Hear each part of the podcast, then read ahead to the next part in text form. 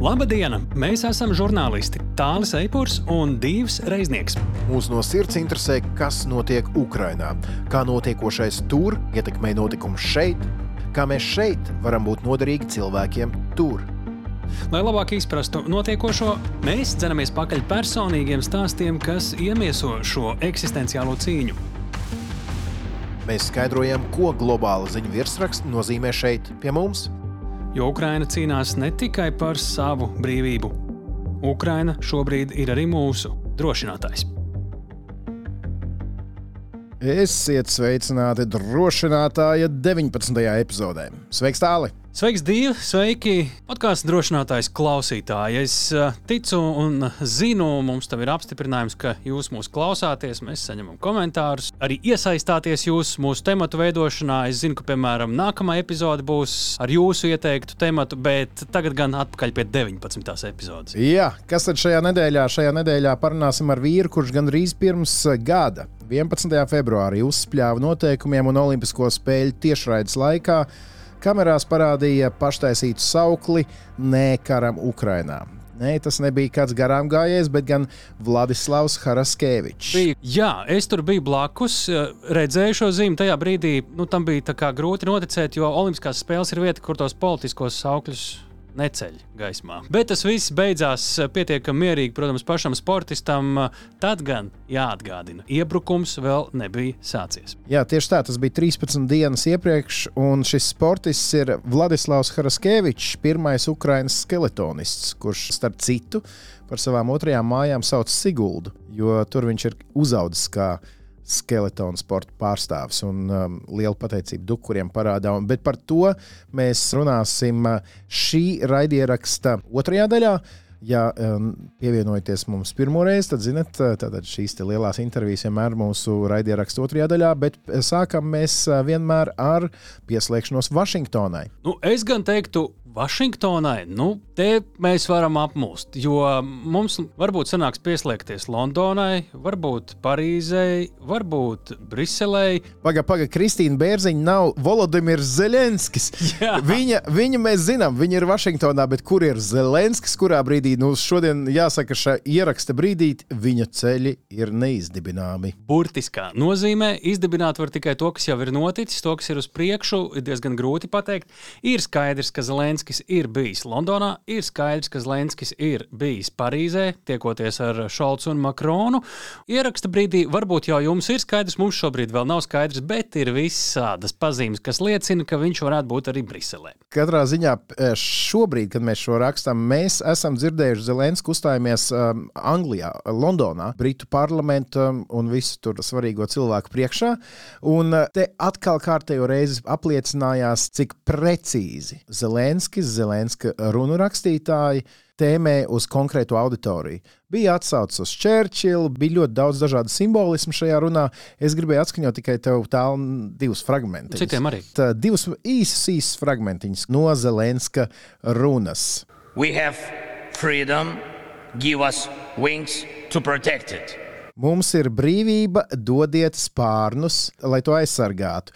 Te acīm redzama norāde uz to, ka tagad, kad ir Briti piesolījuši savus kaujas tankus, Ukraiņu nākamais mērķis ir saņemt lidmašīnas, kaujas lidmašīnas. Un lai visiem viss būtu skaidrs, pašā, pašā runas noslēgumā Zelenskis vēl teica šādus vārdus. And I will be leaving the parliament today thanking all of you in advance for powerful English planes. Tātad es pametīšu parlamentu jau iepriekš jums sakot paldies par jaudīgajām britu lidmašīnām. Katrā ziņā viņš spēja gan nodot savu vēstu, gan arī nedaudz izsaukt smaidu eh, no politiķiem. Skatīsimies, kā viņam ies. Protams, tātad eh, šobrīd jūs esat daudz gudrāki par to, ko Zelenskis ir runājis Parīzē, un nezinu, kur viņš vēl pēc tās Parīzes varētu braukt. Varbūt uz Briseli. Varbūt uz Briseli. Un tas ir viens ļoti ticams variants. Pirmkārt, viņš ir blakus, otrkārt, tas jau tika prognozēts. Un tas būs viens no tematiem, ko mēs aplūkosim sarunā ar mūsu Vācijas Māršala fonda eksperti Kristīnu Bērziņu. Jā, vēl pāris temati, par kuriem mēs ar viņu šajā nedēļā izlēmām apspriesties taiskaitā par to, ko nozīmētu Ukrainas aizsardzības ministra atkāpšanās no amata, jo tāda tiek apspriesta, kā arī par to, kāpēc ASV prezidents Joe Bidenis savā ikgadējā uzrunā kongresam Ukrainas tematikai nepieskārās vairāk nekā stundu kopš šīs runas sākuma. Sveiki, Kristīne! Sveiki, Kristīne! Sveiki, Kristīne! Sveiki, sveiki! Sāksim ar to, kas notiek Ukrainas varas gaiteņos un kā tas izskatās uz ārpusi. Šobrīd ļoti nopietni tiek runāts, ka varētu mainīties cilvēks, kurš vada visu Ukrainas aizsardzības nozari kara laikā. Tas noteikti ir pietiekami būtiski, lai tam pievērstu uzmanību. Tur korupcijas skandāls, un šobrīd Oleksijas Rezņikovs vēl joprojām ir amatā, bet ir jau pateicis, ka, ja prezidents Zelenskis teiks, ka ir laiks doties, tad viņš ir gatavs tam. Neviens pie neviena amata normālā valstī nav piesiets. Tās varbūt ir tādas Ukrāņu iekšējas organizatoriskas lietas, svarīgas, bet ko tas nozīmē uz ārpusi? Ko nozīmētu šāda aizsardzības ministra došanās prom liela korupcijas skandāla laikā, un ko nozīmētu palikšana amatā? Ārkārtīgi svarīgi ir tas, ka no malas izskatās, ka Ukrainā daudz nopietnāk tiek uztvērti tagad korupcijas skandāli. To, ka aizsardzības ministrs pats ir atbildīgs un atsaucīgs uz to skandālu, lai gan personīgi atbildība viņām tuvāk nav velta, bet viņš kā aizsardzības ministrijas galva ir simboliski. Politiski atbildīgs ir ministrs. Un, ja skandāls ir pietiekami liels, tad arī politiski atbildīgais ministrs var meklēt jaunu amatu sev pēc tam. Tas būtu pavisam normāli Eiropā. Ja tā arī būtu Ukrainā, tad tas parādītu savā ziņā eiropeisko virzienu. No otras puses, ministrs arī ir ļoti sekmīgi vadījis Ukrainas pusi šajā karā. Un vai ir nepieciešams viņam atkāpties? Vai nepieciešams varbūt ir šo jautājumu pacelt un izvērtēt, vai ministrija saprot korumpētības nopietnību šajā brīdī, jo mēs jau iepriekš arī, arī esam runājuši, ka ļoti svarīgs ir priekšstats par to, ka Ukraina ļoti atbildīgi tērē visu saziedotos līdzekļus. Un ja neizskatās, ka tas tiek atbildīgi viss vadīts, nu, tad ir iespējams, ka varbūt atbalsts varētu izžūt un izsīkt. Tādēļ tas ir Ukrainas nākotnē ārkārtīgi svarīgi, ka šāda veida korumpētības skandālu līdz galam izskata, lai nav jautājumu par to, ka šodienas Ukraina ir tā pati vecā Ukraina. Jebkurā gadījumā izskatās, ka jau ļoti atbildīgi šim jautājumam pieiet Ukrainā. Un tas jau ir labi. Varbūt prezidentam Zelenskim liksies, ka tur ir lielāka personīga vai mazāka personīga atbildība. Izejot no viņa slēdziena, būs vai nebūs jauns ministrs, bet šo vienkārši norakstīt kā nesvarīgu kara laikā, nē, tā nemaz nav Ukrainas pieeja, un tas ir ārkārtīgi svarīgi un arī pretstatā ar Krieviju šobrīd. Šis kārtējo reizi pierāda, cik korupcija ir saistīta ar nacionālo drošību. Arī Latvijā to mums bieži vien vajadzētu daudz labāk atcerēties. Vēl viens stāsts, proti, Ukraiņas ceļš uz Eiropas Savienību. Ja nedēļa agrāk mēs runājām, un tad aktuāls bija jautājums par Eiropas Savienības spīces viesošanos Kijivā, Tur Ukraina bija tāda ļoti dedzīga attiecībā uz tās plāniem kļūt par Eiropas Savienības dalību valsti un izrunāt visas iestāšanās sarunas īsā laikā. Savukārt Eiropas Savienības līderi bija tādi nedaudz atvēsinoši un nomierinoši, ka ir ļoti daudz darba, ļoti sarežģīti un nekas tik ātri šajā procesā nemaz nevar notikt. Nu, šobrīd mēs saņemam signālus. Ir diezgan skaidri pateikts, ka Zelenskim ir teikt, atvērts ielūgums uz Briseli. Tā pašā laikā arī jau ziņas, ka bezmaz šajās dienās viņš tur varētu būt. Pat ja viņš tur aizbrauktu nedēļu vēlāk vai agrāk, ko mēs varam gaidīt no šādas vizītes Briselē? Par to, kad īsti gaidīt Zelenska vizīti, svarīgi ir tas, ka ģenerālsekretārs NATO Stoltenbergs viesosies Vašingtonā šonadēļ. Tad visticamāk tas nebūs tajā pašā dienā, visticamāk prezidents Zelensks neieradīsies Briselē. Nu, nevar zināt, kādreiz kalendāros iekrīt kā iekrīt, bet ja sarunas būtu arī par NATO, nu tad visdrīzāk būtu jāgaida, kad Stoltenbergs atgriezīsies Briselē un tad tikai varētu tikties ar Zelenski. Nu, un Ukrainai noteikti vajag uzmanīgi, lai saņemtu pēc iespējas lielāku atbalstu. Tagad arī Turcijā zemestrīce iespējams, ka nedaudz jānogaida. Bet to mēs redzēsim vienkārši vai šīs nedēļas, vai kādā vēlākā laikā Zelenskis eh, varētu būt Briselē. Iepriekš par to nekad oficiāli netiek paziņots, spriežot pēc Amerikas piemēra. Tas simboliski, protams, ir ārkārtīgi svarīgi, ka prezidents Zelenskis ierastos Briselē, Eiropas Savienības varas gaitiņos, pastaigātos, apsēstos pie galdiem, kurus eh, Latvijas amatpersonas politiķi ļoti labi tagad ir iepazinuši. Jo Brisele tā tad paliek par tādu regulāru diskusijas vietu un konsultāciju vietu. Tas parāda to, ka Ukraina nav kaut kur stūrī, uz kuru aizbrauc un par kuru pēc tam aizmirst. Bet, ja Ukraina ir Briselē, nu tad Ukraina ir Briselē. Man liekas, tīri simboliski tas ir ārkārtīgi svarīgi Ukrainai iepazīt Briseli un jau nopietnāk iepazīties arī ar to Briseles kultūru. Tur tālāk arī varētu konkrēti runāt par to, kas ir nepieciešams, lai mainītu Ukrainas kodeksus, lai vairāk iekļautos Eiropas Savienības sistēmā. Tā ir birokrātija, kura ir nepieciešama, lai iekļautos Eiropas Savienībā, kādā veidā ir jāsakārto valsts iekārtu, lai tā atbilstu Eiropas Savienības standartiem un procesiem, nu, tas ir nopietnas darbs. Ir tīri simboliskais un arī praktiskais, un tad tālāki rīkojumi, kas būtu nepieciešams, tos arī varētu iegūt tieši Briselē. Bet tas process nav lēns tādēļ, ka kāds to censtos bremzēt. Arī Latvijai, Baltijas valstīm, Polijai, visām jaunajām dalību valstīm bija jāiet cauri ļoti sarežģītam procesam, lai nokļūtu Eiropas Savienības gatavībā īpaši pēc piemēra, ka varbūt Bulgārijas un Rumānijas iekļaušana Eiropas Savienībā bija varbūt nedaudz mazāk veiksmīgas, ka tur varbūt kārtība nebija varbūt tik skaista, cik citām valstīm, un tad, kad jau valsts ir iekļuvusi, kā tu pēc tam nevar īsti tik ļoti ietekmēt tās tālāko virzību. Ungārija piemērs bija ļoti labas demokrātiskās vērtības, un šodien Ungāra, Ungārija nemaz nerāda priekšzīmi, lai nebūtu pēc tam sarežģījumi, ir ļoti svarīgi pirms iestāšanās. Tiešām sakārtot visu, lai būtu laba dalība valsts, un ļoti nevajadzētu to pārāk sasteigt gan Ukrainas dēļ, gan arī visas pārējās Eiropas Savienības dēļ. Ja to dara, tad to, to jādara pareizi.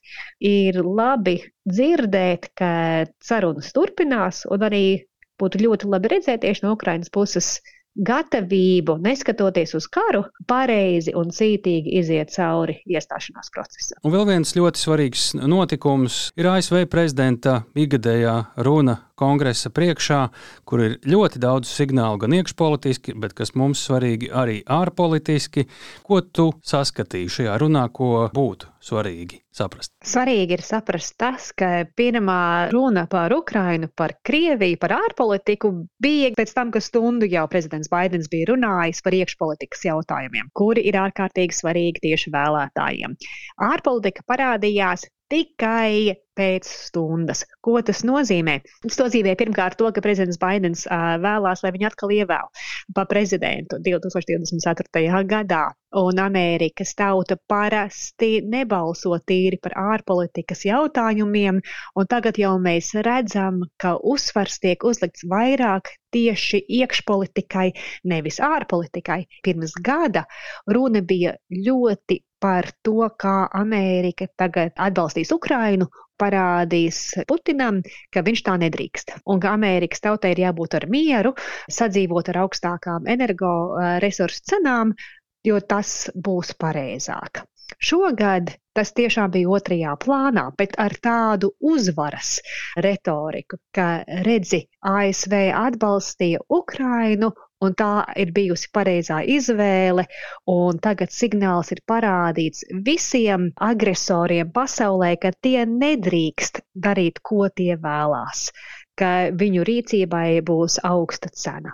Tā bija tāda slavas dziesma Amerikas atbalstam Ukrainai un iepriekšējā gada politikai, bet svarīgi ir tas, ka tas ir otrā plānā un šobrīd izskatās, ka administrācija ASV vēlēsies klusāk runāt par ārpolitiku, vairāk runāt par iekšpolitiku, lai gan ikdienā droši vien Ukrainas jautājums aizņem vairāk laiku nekā, piemēram, veselības jautājums. Ja Amerikas prezidents nerunās par iekšpolitiku, viņš nesaņems atbalstu arī ārpolitikai. Tieši tā. Un tāpēc jāskatās, kādā veidā tiek pacelts Ukraiņas jautājums. Varbūt otra teorija varētu būt tāda, ka jo mazāk runās par to, cik dārgs ir Amerikas atbalsts Ukraiņai, cik tas maksās, jo lielāks atbalsts arī turpināsies jo vairāk runās par to, ko administrācija dara tieši Amerikas vēlētājiem, tie arī nesūdzēsies par pārējo politiku. Un tālūk mēs redzam, ka drusku mainās retoriskā pieeja un uzsvars no uh, prezidenta Baidena par uh, Ukrainas jautājumiem. Mums svarīgi vērot jau, vai un kā mainās darbi. Vēlams uz maksimālu atbalstu Ukrainai. Tieši tā, un nav iemeslu satraukties par to, ka tikai vēlāk parādījās runa par Ukrainu, jo administrācijas līdzība šobrīd ir pareiza un ļoti atbalstoša Ukrainai. Lai tā turpinātos, vajag arī par to drusku klusāk runāt dotajā momentā. Paldies, Kristīne! Tiekamies pēc nedēļas. Paldies! Jāsaka, paldies tev, Kristīne, par šīs reizes sarunu. Paldies jums! Līdz nākamajai reizei! Līdz nākamajai nedēļai! Raidieraksts drošinātājs. Paldies, Kristīnai, paldies tālim. Man šķiet ļoti interesants skatuleņš uz šo Ukraiņas aizsardzības ministra iespējamo atkāpšanos, jo korupcijas tēma ik pa brīdim tiek pacelta. Protams, ka Maskava gribētu par to tik vien, lai mēs runājam, ka Ukraiņai nedrīkst uzticēties, bet, kā mēs redzam, dažreiz ir labi par šādām sāpīgām tēmām runāt. Tas ir tas process, kam jāaiziet cauri, lai mainītos politika, lai mainītos sabiedrība. Ja jums tā nešķiet, vai jūs domājat līdzīgi, atrakstiet mums drošinātājs atklāt Latvijas Rādio LV, mūsu e-pasta adrese. Bet Mēs abi ar Dievu ne tikai runājam par drošību, par ārpolitiku, mēs abi esam nevienās viena olimpiskajās spēlēs bijuši. Jā, starp citu, tā, lai cik interesanti tas nebūtu. Jā, es, es pārstāvu Latvijas televīziju, tu pārstāvi Latvijas rādio. Jā, un tieši tāpēc mūsu uzmanību, tā kā mēs interesējamies par abiem šiem lauciņiem, pavisam noteikti nevarēja nepiesaistīt stāsts, kas pēdējo dienu un nedēļu laikā ir attīstījies attiecībā uz Krievijas, Baltkrievijas, sauksim tās par agresoru valstīm, sportistu piedalīšanos starptautiskās sacensībās un olimpiskajās spēlēs. Tiem, kur varbūt nav sekojuši šai tēmai līdzi, tad Starptautiskā olimpiskā komiteja. Nu, man šķiet, vienkārši testēja ūdeņus, kāda būs reakcija uz piedāvājumu ļaut Krievijas un Baltkrievijas sportistiem atgriezties Olimpiskajā kustībā. Kas tur ko vispār testē? Tā daudz jautājumu. Mums tā šķiet, Jā. bet caur Āzijas Krieviju izskatās, ka caur Āzijas pusi Lobē. tieši tāda lobēšanas process notiek. Labā ziņa ir tāda, ka liela daļa Eiropas, ir sevišķi mūsu reģions un Skandināvija, ir ļoti ātri, ļoti skaidru pozīciju pauduši. Ka, nu, mēs nepiedalīsimies, tad, ja Krievija un Baltkrievija piedalīsies. Bet kā tas izskatās no Ukraiņu puses? Ko tas nozīmē Ukraiņā? Mēs varam sākumā pirms vēl ķeramies klāt faktiem, ieklausīties, ko Olimpiskās komitejas prezidentam Tomasam Baham savā Instagram kontā vēlējās pateikt. Latvijā ļoti labi zināmais український боксеріс Олександр Усикс. Господин Бах, хочу звернутися саме до вас. Я український спортсмен. Olimpijski čempions 2012. Baha kungs vēlos vērsties pie jums. Esmu Ukrāņu sportists, 2012. gada olimpiskais čempions boksā un šī brīža pasaules čempions smagajā svarā Aleksandrs Usiks. Jūs vēlaties ļaut Krievijas sportistiem piedalīties starptautiskās sacensībās. Krievijas armija atnākusi uz mūsu zemi, nogalinot mierīgos iedzīvotājus, Ukrāņu sportistus un trenerus, pārvēršot drupās sporta laukumus un sporta zāles zāles. Krievijas sportistu izcīnītās medaļas starptautiskās sacensībās būs mērcētas asinīs, nāvē un asarās. Gribu jums novēlēt mierīgas debesis virs jums, veselību un laimi. Вам я хочу побажати мирного неба, здоров'я та радості. Nu, lūk, Aleksandrs Usiks. Viņš pieminēja nogalinātus uh, sportistus. Tad, ja runājam par faktiem, kopš februāra Ukrainā bojā gājuši vismaz 220 sportisti un treneri. Tie ir gan aktīvie, gan bijušie. Cietuši vai izpostīti vairāk nekā 340 sporta infrastruktūras objekti, un tas materiālais zaudējums esot krietni jau pār 250 miljoniem dolāru. Šie ir fakti, bet dažkārt es zinu, ka cilvēkiem, jā, nu, ok, dzirdēju faktus, bet es gribēju tieši tāpēc parunāt ar uh, Ukrāņu olimpieti. Iespējams, vienu no slavenākajiem, dīvainā kārtā, ne dēļ viņa sportiskajiem sasniegumiem, bet dēļ viņa pilsoniskās rīcības Un es šobrīd runāju par Vladislavu Heraskeviču, Ukraiņas pirmo skeletonistu, vienīgo no Ukraiņas, kurš arī šobrīd brauc pasaules kausa līmenī. Viņam ir ļoti cieša saiknes ar Dukuru ģimeni un Siguldu. Par to viņš pastāstīs vairāk pats. Viņš ir arī viens no skaļākajiem Krievijas un Baltkrievijas, kā arī Starptautiskās Olimpiskās komitejas kritiķiem. Un kāpēc viņam ir pilns pamats būt vienam no skaļākajiem kritiķiem? Jo viņam ir, diemžēl, Jāsaka, Ukraiņas gadījumā ļoti skarba pieredze, kā jau ļoti, ļoti, ļoti daudziem ukrāņiem, bet viņam ir platforma, šī starptautiskā sporta skatuve. Mēs dzirdēsim divu sarunā ar viņu stāstus, kas ļoti precīzi raksturo, ka šim puisim ir viena liela un pamatota taisnība. Un kā vienmēr, ja intervija ir ne latviešu valodā, tad uh, mēs publiskojam divas versijas. Vienu ar tulkojumu latviešu valodā, otru oriģinālu valodā. Šajā reizē tā ir angļu valoda.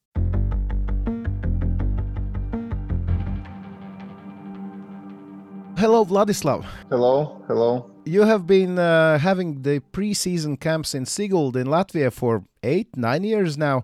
Uh, should we do the interview in Latvian? not, not yet.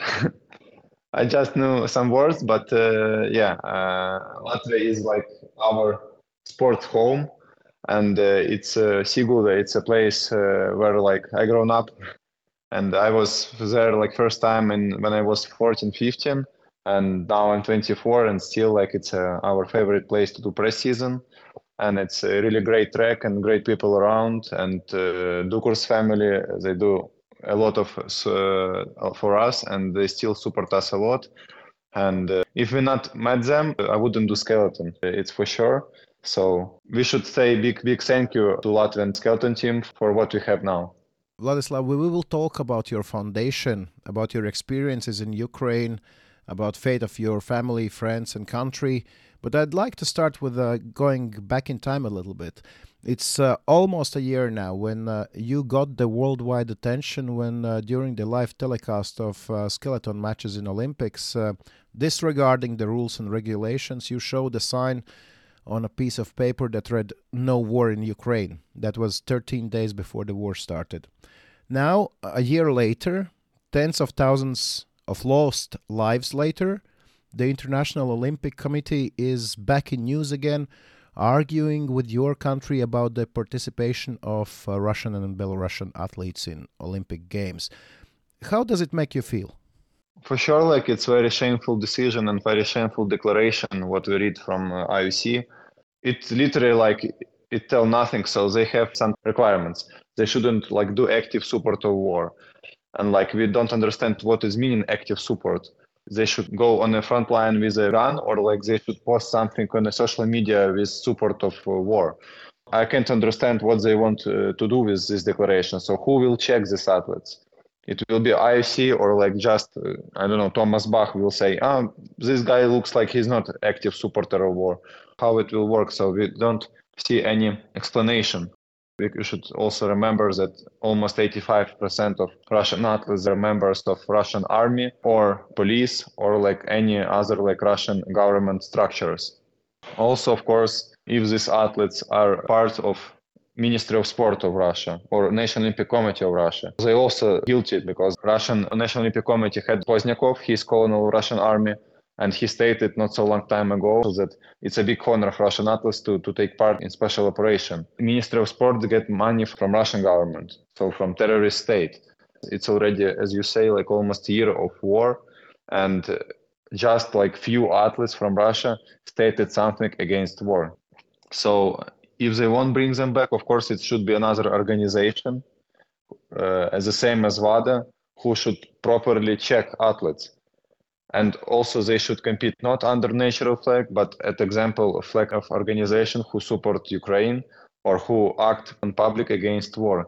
And also, these Russian athletes should make statements against war. So, if they compete on international arena, that this uh, not will be used in Russian propaganda because on the public they support Ukraine. A lot of athletes they writing some propaganda like in uh, social media, and we see it in our experience. Some use athletes from bobsleigh skeleton they write some uh, propaganda things in our social media. And uh, one was bobsleigh athlete who wished like bomb in my house. And uh, another was uh, russian youth athlete from skeleton who comment uh, some post of our youth athlete from skeleton. And he write oh it said that we will bring our territories back and that we will kill all nazi movement in ukraine okay we can say like some common russian people they like they never was in other countries they just watching tv and tv is lying but uh, Russian athletes is another another people. So they traveling all around the world. They see that they was like in Latvia, in Sigulda, they was in Germany, they was in USA, they was in Canada, they was here like when we are now like in Innsbruck, and they see how people live life here. They see that it's nothing like in Europe, like of nothing like Nazi or like some this shit. Like of course we have them all around the world. Nazi like ex- exist, but percent is really low so you can't literally see it every day or like in your common life in everyday life so they understand that it's a bullshit but they still uh, support war so in my opinion they are guilty and athletes are people who should say a lot against war and who should uh, act uh, for a peace if you had a chance to talk to the president of ioc what would you say to him i would say like our our some uh, friends from luge sport uh, because Bach was in Oberhof on the World Championship in Luge. I talked to him and uh, Bach is, is pretty hypocrisy person. Like he can say one thing and then make these decisions. So of course, uh, it's uh, important uh, to have some answers on uh, on that. Russian athletes are part of Russian army, yeah, eighty five percent. So because I n- not see any response on that. Uh, also it's interesting to know why still Russian officials, as a Pozdnyakov, uh, have opportunity to act on a stage on ANOC meetings and talk about ethic. It sounds delusional, like how it's possible. Colonel of Russian army talk about ethic uh, at front of all national Olympic committees. What's going on here? It's also important to understand that all these sport achievements, all these medals, it, incomparable to people's lives, it's mean nothing all Ukrainians now made so big sacrifices, and uh, a lot of people sacrifice their lives and their homes and uh, homelands. To help them, you should sacrifice your career or like some time of your career. Yeah, so I think we should work more with international federations and with IOC and with other like big organizations. Yeah, we won't compete. We don't want to sacrifice our sport. We won't compete on international arena. We won't compete with Latvians, with USA members, like with Germans. We want to compete with everyone except Russian and Belarusian because they're a terrorist. Okay, let's talk about the competing. I know that there are some uh, laws in Ukraine that were put in after the big war started. So, could you just explain uh, who can leave Ukraine for competitions like yourself and who is not allowed to uh, leave Ukraine if we talk about the athletes? you should be in a list of a national team before like full invasion so they can include you in, in invasion but of course you should get some evidence or like some understanding that you are athlete or you are sport official coach or physiotherapist or something like that. So you should be in this list. Then uh, you have training camps or competitions. And uh, it was uh, like all time in ukraine so you should get some documents ready yes so like that you are going to these competitions. And you get these documents ready. Where you go like on which car on like which way and uh, everything everything like all, all bureaucracy work. Then you send it to ministry of sport and they signed it or not signed it. So if they signed these documents then you're allowed to leave uh, ukraine. So that's how it works. When documents end if you stay like longer you make a new document. So for next um, training camp or for next competition. So in our sport in skeleton it's usual like we go to season in autumn. We have training camp and right after that we go to competition. So we like have documents documents documents. So like right right after like one after one so it works like that, and uh, yeah. So I would say it's only the way how you can leave Ukraine if you age from 18 to 65 or 60. 60. But did you had a discussion with yourself, like internal discussion? What should I do before the new season or after the February 24th? Should I continue with skeleton? Should I volunteer? Should I enlist in army? What was your way of thinking at that time? I would say life changed fully. Like first of all, uh, everything is changed before 24 and after 24. Like this date, it's separate your life on a on a two different lives. So uh, first of all, I would say like uh, I was too busy. So because uh, as you mentioned, like on Olympics, we get like worldwide attention with this uh, protest long war in Ukraine, and uh, we have a lot of context of uh, some uh, media, world media, and we start like give interview. So we start to talk about war and about what's going on. I have a lot of uh, uh, connections to like people all around Ukraine. So, at example, like in my university, I have a guy who was like head of the group in university, and he living in Volnovakha normally.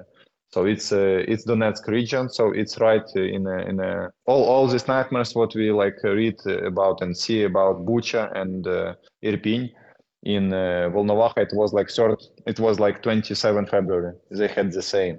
It was like frontline, and it, it is frontline and uh, I already knew that it's not military objects was being destroyed, and it's just civilian houses are damaged, or people are struggling, civilian people are struggling. Uh, and yeah, we start to talk and like gave interviews that we need support and we need to protect our like and athletes and civilians who who like refugees. And so we, we work on that. Also. In beginning of war, we start already work on uh, suspension of Russian and Belarusian athletes from Paralympic Games. Uh, we start to work with a platform which called Global Athlete, and uh, that that was like and we also work with our athletes commission national olympic committee and we do a lot of statements videos and uh, some writing statements. It's uh, letters and everything everything. So it was uh, my whole day. So we write some letters doing statements interviews and it was like two weeks. Two weeks was like that after that, we start uh, like we have car from bobsleigh, so we start to uh, ride on this Mercedes Sprinter and bring some help.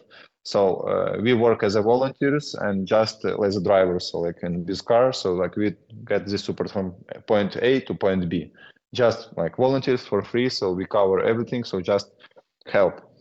So I was like riding with this AID so my friends staying in Kiev and they do also some volunteer stuff. So like they buy some food and bring it to, to people like who need it to some disabled people, to some old people. And um, I think week or two after we say like, yeah, we should work together because it looks like we're doing our contribution, but it's really low. So we can we can do better because uh, a lot of people in this, like in my friends, they they're talented in many things, but uh, you know we don't really use our like our uh, things what what we are best in and uh, we start like to think about uh, some organization together and that's how uh, Charity Foundation was created. So we create websites, we create like some connections with uh, companies in Ukraine. We start to work with some big agrarian companies and they give us sunflower oil in pretty big amounts and we start to deliver it to people who cook for uh, military who who cook for uh, refugees from uh, other regions uh, or like to people who really need this food because they can't afford it now. And we start to work as a foundation so we start collaborate with another small uh, like volunteers and like uh, to work together. Also like main idea from the start it was like to bring more support from other countries we start to do that. So like start to talk with many organizations and uh, in already like we work with a lot with usa uh, uh, organizations. It's little wing relief it's called. Also we work with uh, ukraine aid operations. It's uh, also pretty good and pretty big organization from from usa also we work with latvian uh, friends and we had a lot of support from latvia when we start we work uh, more like with one family or like with some like one two three persons but now we try to a little bit rebuild our work and we work a lot with uh, uh, like big projects and we, we shouldn't be in a place so it's a little bit easier to do all logistics so we can do it online So even now, when skeleton season is on, uh, the foundation is still working. It's okay that you are outside of Ukraine. Yeah, I, I would say now now we have uh, biggest campaigns uh, on on our like yeah in our time. So last campaign it was from USA. It was 40 feet container with aid with medical aid. So it's a lot of medicaments, and total amount of supports approximately it was like one one hundred forty thousand dollars so also be, was uh, this campaign with uh, Ukrainian operations. It was uh, Alaska tents. Uh, it's for front lines, so that if people get hurt, uh, first of all they bring them in these tents. They do some quick surgeries to get people delivered to hospitals. It was also a big campaign, so we collect with Ukrainian operations uh, sixty thousand dollars. buy six tents and generators for these tents and also it was included uh, delivery costs from USA. And uh, one tent also was donated. Also was big campaign with uh, Portugal and our friend from Portugal. They create um, collecting points all around like Portugal, and they collect a lot of a lot of supplies, and they that was also delivered to Ukraine to some hospital where it really needed.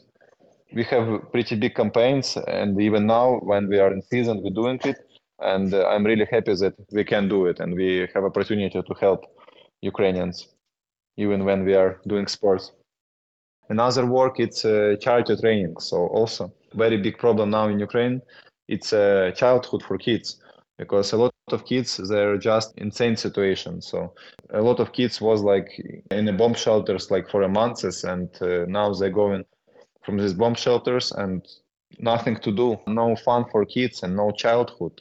And we try to bring this childhood back with sports and we start to do charity trainings so first trainings was for kids from mariupol in kiev in trampoline hall. So uh, we do it with olympic champion from ukraine alexander Abramenko. amazing to see difference when training starts and when it ends so in, in, in kids. Example like we do, start to do warm up and we turn up a little bit music. And uh, some kids start crying because like some loud sounds in the music. And then we stop music and like whoa sorry like let's continue and like we continue to do training and uh, in i think in 15 minutes we turn up music again you know and but kids are acting uh, better and better and better in the training and uh, you, you, definitely can see that they're being happier and you know like they're start smile again and uh, they're having fun with each other and it's really nice to see this difference. So the sport and uh, you can see that sports can give uh, amazing things. And uh, that's i think most important thing in a sport. And also we continue to do these trainings in Chernihiv in other regions in kiev regions. We're doing trainings in skeleton and bobsleigh in summer like. And uh, some kids was very excited about these sports. And um, we invite them to our team. And they uh, was in kiev several times. And now a few kids are in season. And they're sliding now. And one of them uh, Vladislav now he is um, taking part in selection before Youth Olympic Games, uh, and he was uh, on these uh, selection competitions in Innsbruck, and uh, is just 13 years old, and he was uh, 16 and 11 places. This Vladislav, he's from Borodyanka, so he he live. maybe you saw these photos of this house, what was hit by air bomb, and he lived like just 150 or 200 meters from this house and now he like have new goals and now he's here and like doing skeleton and he's really uh, excited about it. And you can see and you can like spoke with him and like he's super excited about skeleton about new goals what we what we what he have. And we're really glad that we can give it to to kids. And it's probably great that skeleton in this case has been uh, the thing that uh, takes away the kid's mind from all the terrible things happening uh, in Ukraine right now, right? I, I, would say all sport, like because they concentrate on the sport, uh, because it's also terrifying when you when you go to the some region and kids like eight nine years old they understand difference between minor shelling or rocket shelling or like some other shellings. It's just crazy. You can't understand that it can be like now because you know like eight nine years old. Remember yourself in eight nine years old and now kids like know difference between miner shelling and rocket shelling. It's crazy. So of course it's important to help them. From this past year what has stuck with you the most uh, emotionally? What have you seen? What have you experienced?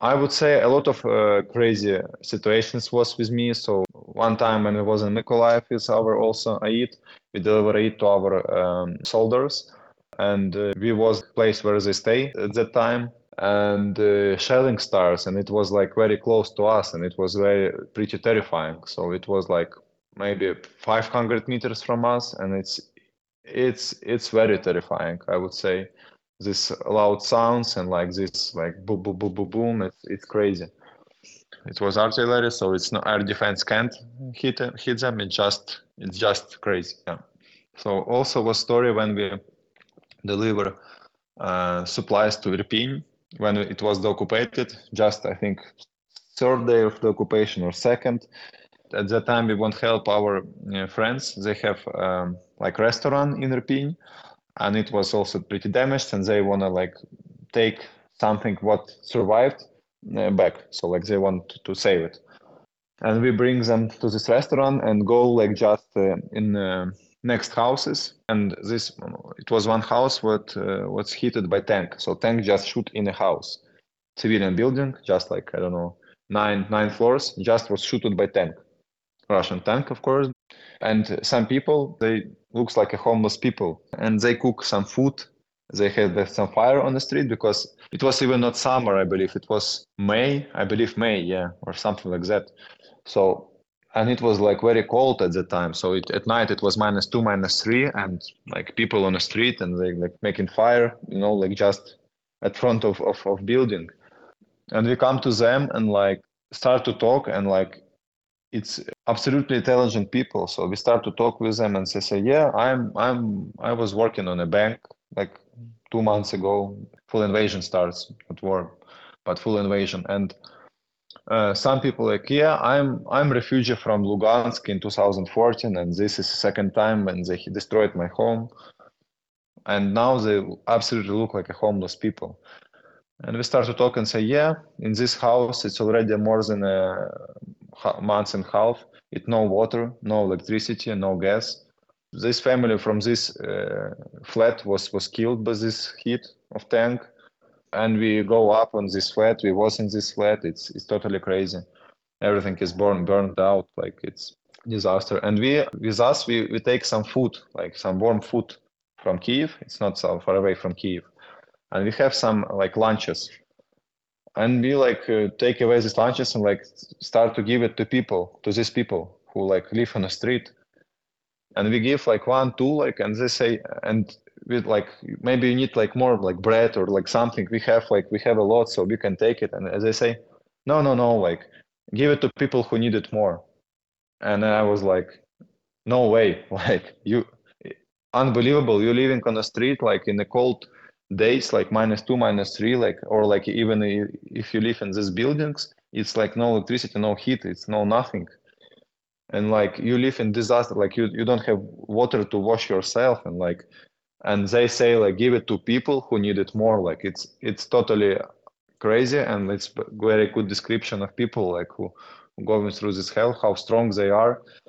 And it's also a big motivation uh, to to work more to help more and uh, to to not give up i would say like because uh, if they can stand strong we should also stand strong has your house uh, survived the war yeah so my house in kiev and it was uh, luckily okay i was uh, rent apartments with my girlfriend and it was it's also like terrifying stories so like i would say most terrifying personally like when you're afraid for yourself and when you hear a whistle of rockets so we it was rent apartments. It was like 14th floor, and uh, just in 6 a.m.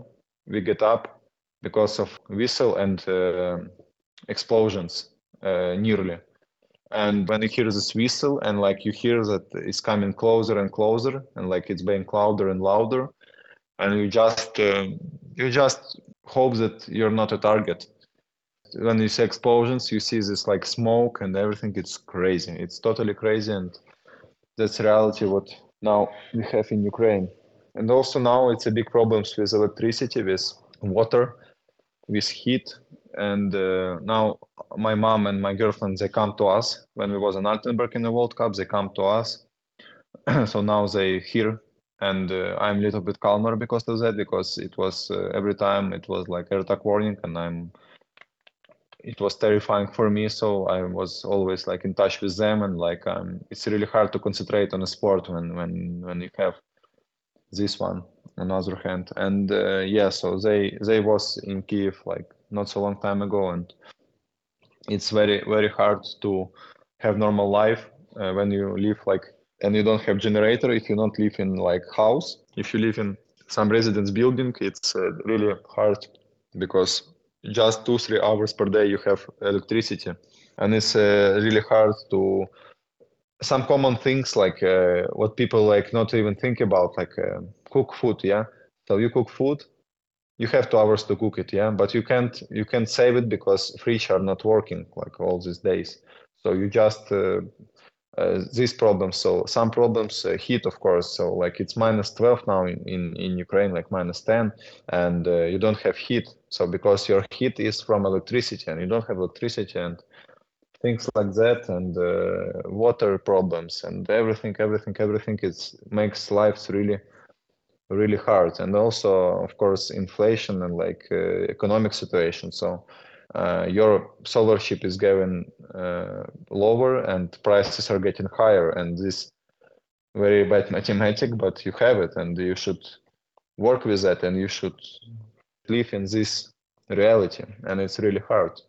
That's what i wanted to ask you. You help others but is there no need to help you i guess you know the sponsors might have other priorities now and, and stuff like that we now work a lot with um, organization from Germany, Athletes for Ukraine, and uh, they help us a lot. And uh, luckily, uh, I have some sponsorships. I, I don't lost it.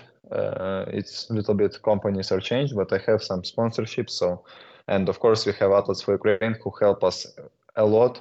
And uh, with them, uh, we will have um, in end of February, right after World Cup in Sigulda, so 17th February we have World Cup race in Sigulda, and uh, after that uh, our small kids who not allowed to compete now on international competitions, but they really want to do skeleton, and uh, they will uh, drive to Sigulda, uh, and they will uh, get first runs in their lives in skeleton, and they will start to do skeleton. And also, it will be financed from Athletes for Ukraine, from this association. And uh, we will got like new athletes in our team uh, new kids with uh, i hope uh, everything will be fine and they will like it and they will continue to do it. And uh, maybe in future uh, next youth olympic champions but not for next olympic games but after, after the next for 2028 i hope they enjoy skeleton i hope they enjoy sigulda uh, but uh, the last question we usually ask the same question to our guests is what should I wish you personally? Just uh, end of war, uh, freedom for our territories, and uh, personally, that's what I want. And uh, of course, a lot of people want bring their like old lives back. I would say, but of course, life wouldn't be the same. But I want some normality in my life. I want peace in my country, and it's really hard to to do some different things some to do sports uh, when when all going on and like it's really tough time but uh, i'm glad that we have this support from other countries and from uh, latvia from usa from many many countries like we have so many support and it really helps to us to be strong it really helps us to not give up so we have motivation we we see that we want to be part of civilized, civilized world and we see that world also won't uh, have Ukraine in, in, in, this group. And uh, we're really glad that uh, we have you. And I would say, personally, I just want to end of the war. And like personally, I I don't need nothing except peaceful time for my country. I wish you that, of course. Nothing else at the moment is more important. By the way, one thing uh, that this year has been helpful in is I think the masks have fallen and we see true faces of people.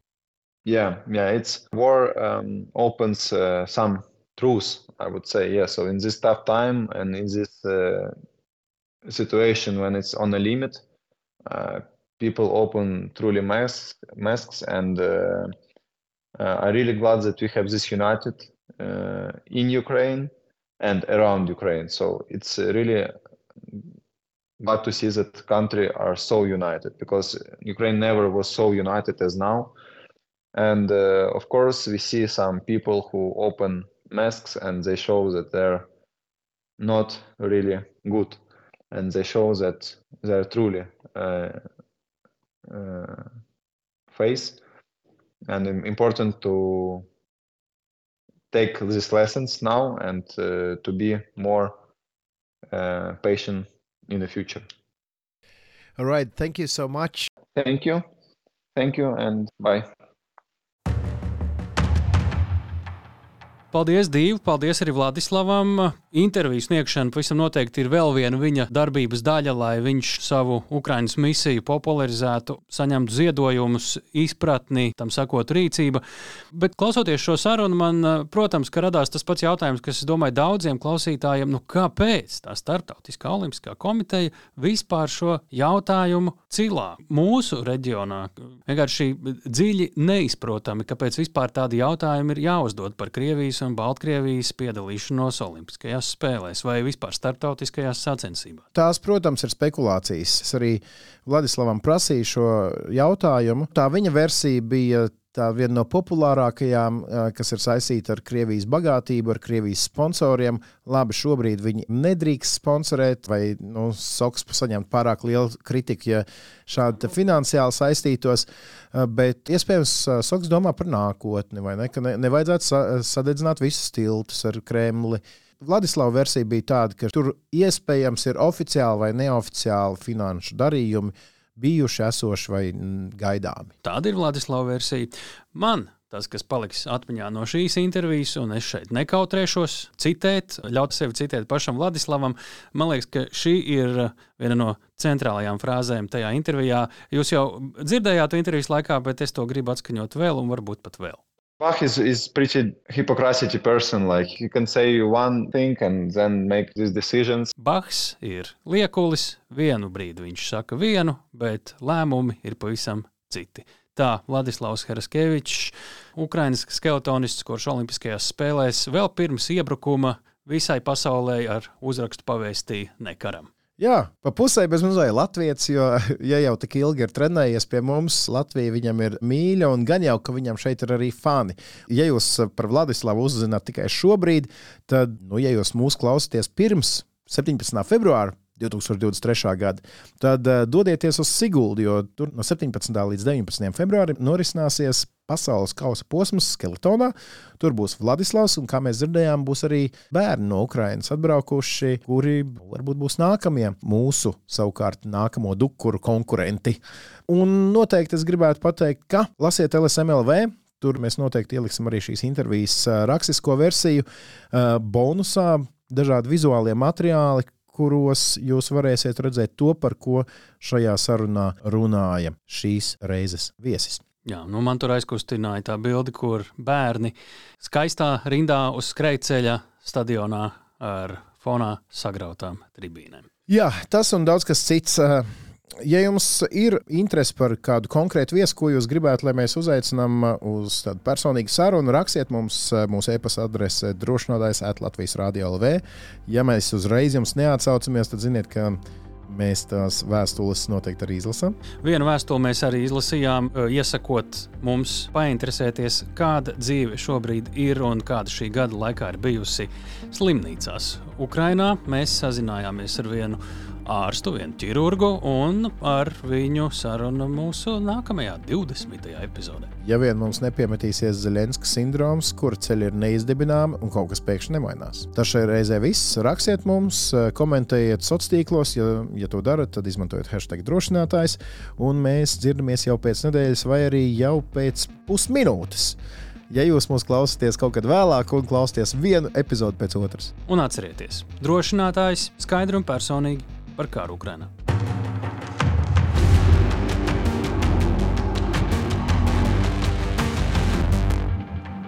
Raidieraksts drošinātājs.